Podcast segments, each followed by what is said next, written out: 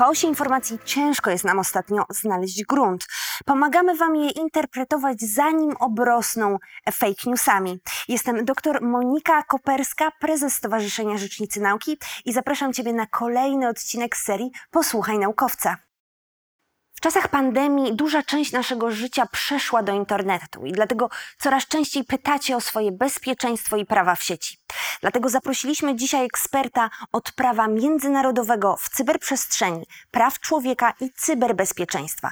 Dr Joanna Kulesza jest adiunktem w katedrze prawa międzynarodowego, publicznego i stosunków międzynarodowych Wydziału Prawa i Administracji Uniwersytetu Łódzkiego. Halo Joanno, czy mnie słyszysz?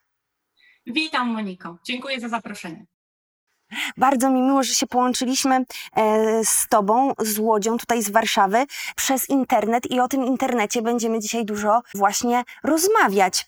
Coraz więcej automatyzacji dostosowanych do naszych potrzeb właśnie znajdujemy w internecie i coraz częściej wybieramy, szczególnie w tym okresie, właśnie tą formę kontaktu. Powiedz mi, czy ta sztuczna inteligencja, która funkcjonuje już w internecie na dobre, czy ona może nam pomóc jakoś w tej sytuacji pandemii? Przykład Korei Południowej wyraźnie pokazuje, że tak jest. Te aplikacje śledzące Koreańczyków mhm. pokazały, że można przy pomocy sztucznej inteligencji skutecznie ograniczyć efekt pandemii, jeśli zgodzimy się na to, aby poświęcić swoją prywatność za cenę publicznego bezpieczeństwa. W Europie sytuacja jest bardziej złożona. My w Polsce także od dwóch lat cieszymy się z przyjęcia RODO, rośnie rzesza ekspertów, e, rośnie rzesza dobrych praktyk, którymi rozporządzenie ogólne o ochronie danych osobowych obrasta. To RODO właśnie powinno pokazać nam granice, w jakich bezpiecznie dane gromadzone przez urządzenia elektroniczne o nas można gromadzić i przetwarzać.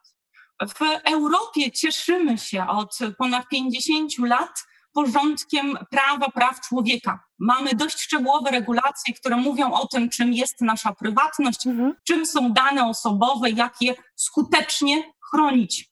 W dobie pandemii okazało się, że przyszło nam zmierzyć się z trudnym testem, jak chronić prywatność, a jednocześnie skutecznie chronić zdrowie publiczne.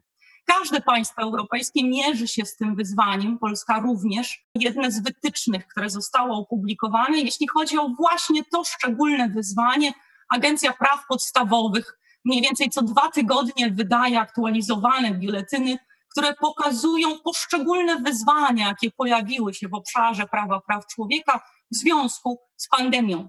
A to jeśli chodzi o ograniczenie naszej wolności poruszania się, a to jeśli chodzi właśnie o ograniczenia związane z naszą prywatnością. Mhm. W Polsce także zastanawiamy się nad tym, czy należy śledzić sposób, w jaki przemieszczają się osoby, które mogą być nosicielami wirusa, czy powinniśmy wiedzieć, z kim się kontaktują, czy powinniśmy być w stanie śledzić ich trasę, aby móc e, uchronić przed zakażeniem tych, którzy wchodzą z nimi w kontakt. Czy jest to dopuszczalne? Czy wolno to robić? Tak, o ile sprostamy wymaganiom prawa, praw człowieka. No i tutaj pojawia się pewna trudność. I w Polsce, i w Unii Europejskiej, i w tych państwach europejskich, które członkami Unii nie są, mhm. rozmawiamy o tym, jak taką skuteczną kontrolę wprowadzić. Także w Polsce mamy aplikację, która powinna być, wydaje się, z zaleceń rządu stosowana przez tych, którzy mogą być nosicielami wirusa. Mówisz o kwarantannie domowej, tak? O aplikacji kwarantanna domowa. Mówimy o aplikacji kwarantanna domowa. Podkreślmy, że wciąż niejasne jest, czy jej stosowanie jest wymagane prawem, czy nie.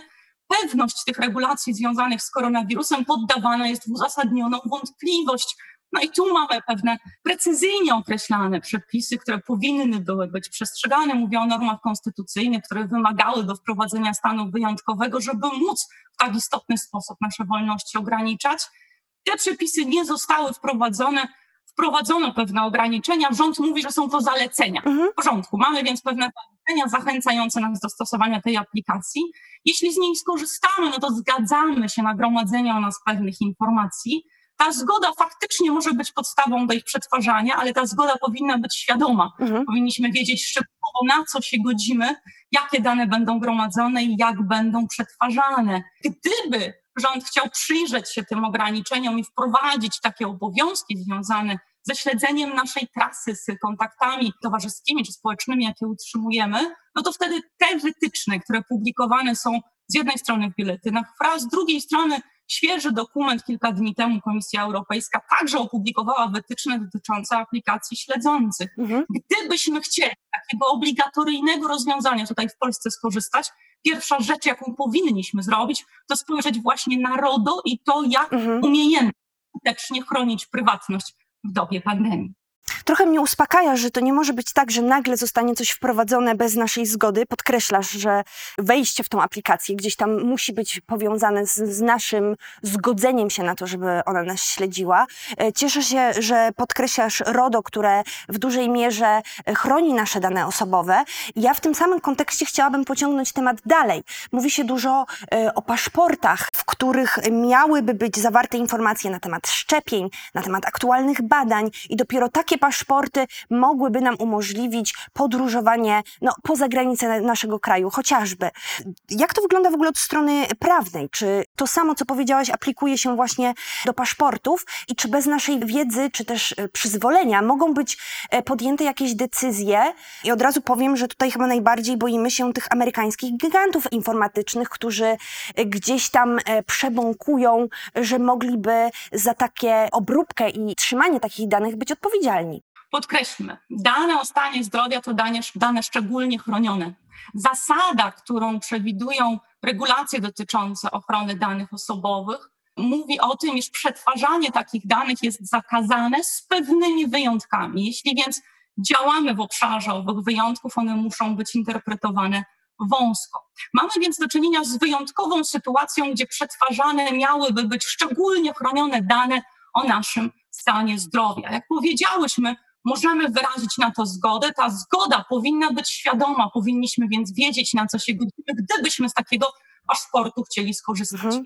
Gdyby taki paszport miał być obowiązkowy, musielibyśmy go wyrobić, żeby móc podróżować, czy w ogóle, żeby móc przemieszczać się choćby w obrębie kraju na podstawie takiego poświadczenia zdrowotnego, no to wtedy powinniśmy zweryfikować dwa elementy. Po pierwsze, mhm. jakie jest uzasadnienie dla nałożenia takiego obowiązku, no i tutaj w Polsce mielibyśmy sporą pracę domową do odrobienia, żeby zgodnie z obowiązującymi przepisami takie restrykcje móc na obywateli nałożyć.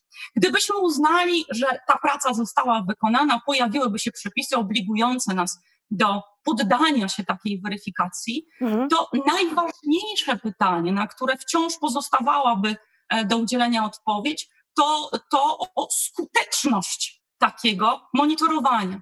Jeśli zerkniemy do aktualnych wytycznych, ja pokazuję tutaj Państwu zalecenia dotyczące portów, które sformułowało WHO, nie ma dowodów na to, iż przebycie e, owego zakażenia daje odporność. Nie wiemy więc, w jaki sposób taką odporność uzyskać. Pojawia się więc pytanie, czy monitorowanie naszego stanu zdrowia w ten sposób, przetwarzanie tych danych szczególnie chronionych, jest jakąkolwiek gwarancją bezpieczeństwa. Nie jest w tej chwili stwierdzone, że przebycie e, koronawirusa daje nam odporność i zakażeć już dalej nikogo nie będzie. Mhm. W związku z tym są dwie istotne kwestie, które trzeba uwzględnić. Po pierwsze, działanie zgodnie z prawem. Czy to, jeśli będzie aplikacja dostępna jako pewien wybór, czy to jeśli będzie ona obowiązkowa. Wtedy te e, obowiązki wynikające z prawa, spoczywające na pracodawcy, będą jeszcze bardziej precyzyjne, bardziej istotne dla nas. Natomiast jeśli zgodzimy się na takie ograniczenia, to musimy zastanowić nad celowością ich stosowania w ogóle. Jeśli już ustalimy, jak można by to zrobić, to powinniśmy mieć pewność, że wprowadzenie tego rodzaju monitorowania naszej aktywności, takie istotne ograniczenie naszej prywatności, przyniesie oczekiwany skutek. Tak. Jeśli nie mamy takiej pewności, wprowadzanie tego typu dokumentów jest nie tylko bezcelowe, ale sprzeczne z zasadami przetwarzania danych osobowych. Mm -hmm. No tak, to by był wydatek, e, który poniosłoby państwo, my byśmy ponieśli, bo często sami musimy też płacić za paszporty, który mógłby się okazać e, chybiony, prawda? Bardzo się z Tobą zgadzam, że to nie jest moment na podejmowanie takich decyzji. E, próbuję do tego sprowadzić tą Twoją wypowiedź i że takie e, troszeczkę rozgrzebywanie tego w przestrzeni publicznej musi być opatrzone tym komentarzem, że jeszcze bardzo dużo wody musi upłynąć, danych musimy nazbierać, żeby fa faktycznie tą zasadność takiej decyzji, prawda, świadomie podjąć. Pozostajmy w tym klimacie właśnie pandemii i klimacie bezpieczeństwa w sieci. Dużo słyszy się teraz o różnych e, aplikacjach nowych, które powstają do tego, żebyśmy się mogli komunikować. Same teraz rozmawiamy przez aplikację, która no, no ma nie dosyć dobrą prasę, jeżeli chodzi o bezpieczeństwo komunikacji, bo wiemy, że na tą aplikację ludzie mogli się prosto włamywać i e, uczestniczyć, przerywać jakieś ważne spotkania biznesowe e, czy akademickie wykłady. Na co powinniśmy zwracać uwagę, jeżeli chodzi o cyberbezpieczeństwo teraz w sieci podczas tego dziwnego czasu? Wbrew pozorom jestem głęboko przekonana, że tą dobrą stroną pandemii, jeśli o takiej w ogóle można mówić, będzie podniesienie świadomości społecznej, jeśli chodzi o cyberbezpieczeństwo. Ten przykład, o którym tutaj mówisz, o aplikacji, która okazała się nie tak odporna na włamania, jak moglibyśmy oczekiwać, jest bardzo dobry, dlatego że zwróćmy uwagę, że natychmiast dostawca tej usługi podniósł poziom bezpieczeństwa. Być może dla nas było to bardziej kłopotliwe, trzeba było korzystać z dodatkowych haseł, upewnić się, że nie rozpowszechnimy klucza do tego wirtualnego pokoju zbyt szeroko, ale jednocześnie zwróćmy uwagę, w momencie, kiedy pojawiło się zagrożenie, natychmiast podnieśliśmy poziom bezpieczeństwa. Mhm. Można by powiedzieć, że cała walka o cyberbezpieczeństwo taką właśnie grę w kotka i myszkę przypomina. Przestępcy próbują nas wyprzedzić, a my próbujemy nie dać się oszukać. Cieszę się, że tym pozytywnym efektem, jeśli o takich w ogóle można mówić, tego wyzwania, z jakim przychodzi nam się mierzyć, jest to, że nabywamy świadomość, jak bardziej bezpiecznie korzystać z sieci. Mówisz tutaj o takich zabezpieczeniach e, e, czysto organizacyjnych, związanych z korzystaniem z pewnej usługi. Odnotujmy jednak także, że poważnym problemem związanym z pandemią, po części powodem, dla którego my dzisiaj tutaj też się spotykamy, jest dezinformacja, czy mówiąc bardziej dosadnie, oszustwa w sieci. Ilość witryn e, rejestrowanych z nazwą koronawirus, czy ze skrótem e, używanym do określenia przyczyny owej pandemii, dramatycznie wzrosła. Pojawiły się witryny oferujące cudowne lekarstwa na koronawirusa, olejki które pozwolą nam uchronić się przed rzekomo szkodliwym promieniowaniem sieci 5G i tak dalej, i tak dalej. Zaczęliśmy zastanawiać się nad tym, jak rozpoznać fałszywą informację w tym mhm. kontekście dotyczącą koronawirusa. Czy witamina C zaszkodzi, czy pomoże? Czy lekarstwo na malarię pomoże nam także w walce z koronawirusem? A my teraz w Polsce chyba najbardziej zastanawiamy się nad tym, czym jest koronawirus, jak on wygląda, czy wszystkie te obwarowania, które zostały wprowadzone, były zasadne. Mówiłyśmy tu przed chwilą o informowaniu. Ja jestem głęboko przekonana, że to jest klucz do rozwiązania naszych problemów. Informowanie użytkowników internetu o tym, jakie są niebezpieczeństwa, jak one wyglądają, w sposób wiarygodny, tak jak wy próbujecie zrobić w tej kampanii, co jest, to jest bardzo fajne, bardzo przydatne, bardzo pomocne. Budowanie tej wiedzy, pokazywanie taki prosty sposób, jak chronić się przed niebezpieczeństwami, w sieci i poza nią jest kluczem do rozwiązania tego problemu. Mhm. Cyberbezpieczeństwo to nie jest kłopot, który po prostu potrafimy rozwiązać, to jest pewien proces, a ten proces oparty jest na edukacji shopping scams, czyli te strony, o których mówisz, te, które wyrastają teraz jak grzyby po deszczu w przestrzeni internetowej. Dziękuję, że zauważasz, że my próbujemy walczyć z tą dezinformacją, ale gdzie możemy szukać y, informacji na temat cyberbezpieczeństwa? Czy są jakieś takie miejsca, gdzie ja mogę poczytać o prawach człowieka w sieci? Y, czy możesz takie źródła wymienić? To takie trzy źródła, których wiarygodność nie budzi wątpliwości. Mamy więc instytucje, które stoją na straży praw człowieka i nie zaczęły robić tego wczoraj, nie zaczęły robić tego w obliczu pandemii, robią to od lat 50. w Europie, kiedy my po II wojnie światowej uznaliśmy, że porządek praw człowieka jest tym, co pozwoli nam nie powtarzać już tych błędów, kiedy wydawało nam się, że wiemy lepiej, jak inni powinni żyć, kto jest lepszy, kto jest gorszy i tak dalej, i tak dalej. Czyli mówisz o Europolu, e, o WHO e, oraz o FRA, czyli Fundamental Rights Agency. Mówię o Agencji Praw Podstawowych Unii Europejskiej, która trudni się trudni się prawem praw człowieka. Wspominałam o Komisji Europejskiej, która wydała wytyczne dotyczące aplikacji śledzących. Mówię o Europolu, który działa na co dzień w obszarze cyberbezpieczeństwa, edukuje nas, doradza, pokazuje, tak jak w tym przypadku, dość szybko reagując na Mhm. oszustwa internetowe, zapewniając, że takie magiczne lekarstwo, które można kupić za bitcoiny, za jednego symbolicznego bitcoina można kupić lekarstwo na koronawirusa czy szczepionkę, takie lekarstwo nie istnieje. WHO to w tej chwili źródło opartych na badaniach informacji. Państwo możecie poddawać je w wątpliwość, możecie nie chcieć wierzyć WHO, możecie nie chcieć wierzyć nam, możecie nie chcieć wierzyć Agencji Praw Podstawowych, machnąć ręką na ten dorobek, czy to praw człowieka, czy to nauk z zakresu bezpieczeństwa, no ale nie mamy w tej chwili bardziej wiarygodnych źródeł. Moglibyśmy upierać się, że znajomy na Facebooku nie poświęcił aż tyle czasu na badanie koronawirusa, cyberbezpieczeństwa, prawa, praw człowieka, jak ci, którzy robią to codziennie Tak. w ramach powierzonych im, za, im zadań w organizacjach, które trudnią się tymi szczegółowymi obszarami.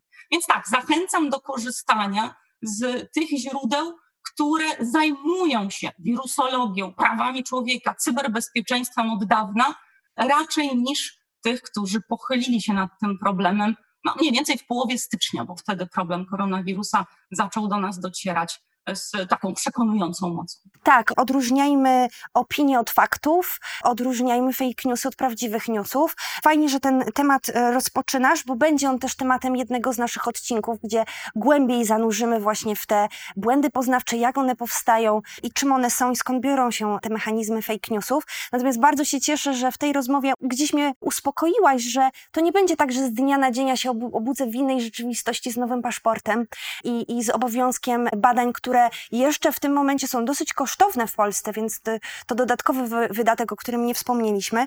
Także cieszę się w sumie, że prawo gdzieś wymusza, żeby ta sprawa potoczyła się troszeczkę wolniej, a nie tak dynamicznie jak sama pandemia. Proszę pozwolić mi tylko podkreślić, że to jest sytuacja, która powinna mieć miejsce. Mam nadzieję, że w ten sposób jakiekolwiek ograniczenia będą Mhm. wprowadzane i że nie stanie się tak faktycznie, że z pogwałceniem wszystkich reguł, o których tutaj sobie mówimy, reguł prawnych, taki obowiązek nagle któregoś poranka nas powita na naszym inteligentnym urządzeniu. Ale jeśli chcemy pozostać państwem prawa, to bez wątpienia te wszystkie ograniczenia, o których tu mówimy, powinny być poważnie wzięte pod uwagę. Bardzo dziękuję Ci, Joanno. E, Pozdrawiam Cię i życzę zdrowia. Dziękuję bardzo, wzajemnie. Lista źródeł z miejscami, gdzie można znaleźć informacje na temat naszych praw w sieci, nie jest długa E, i na pewno zaznajomienie i zastosowanie się do nich pomoże nam czuć się bezpiecznie i świadomie poruszać się w sieci, jaką jest internet. Dziękuję dzisiaj za uwagę. Oczywiście zapraszam na kolejny odcinek Posłuchaj Naukowca. Przypominam, w każdy piątek. Do zobaczenia.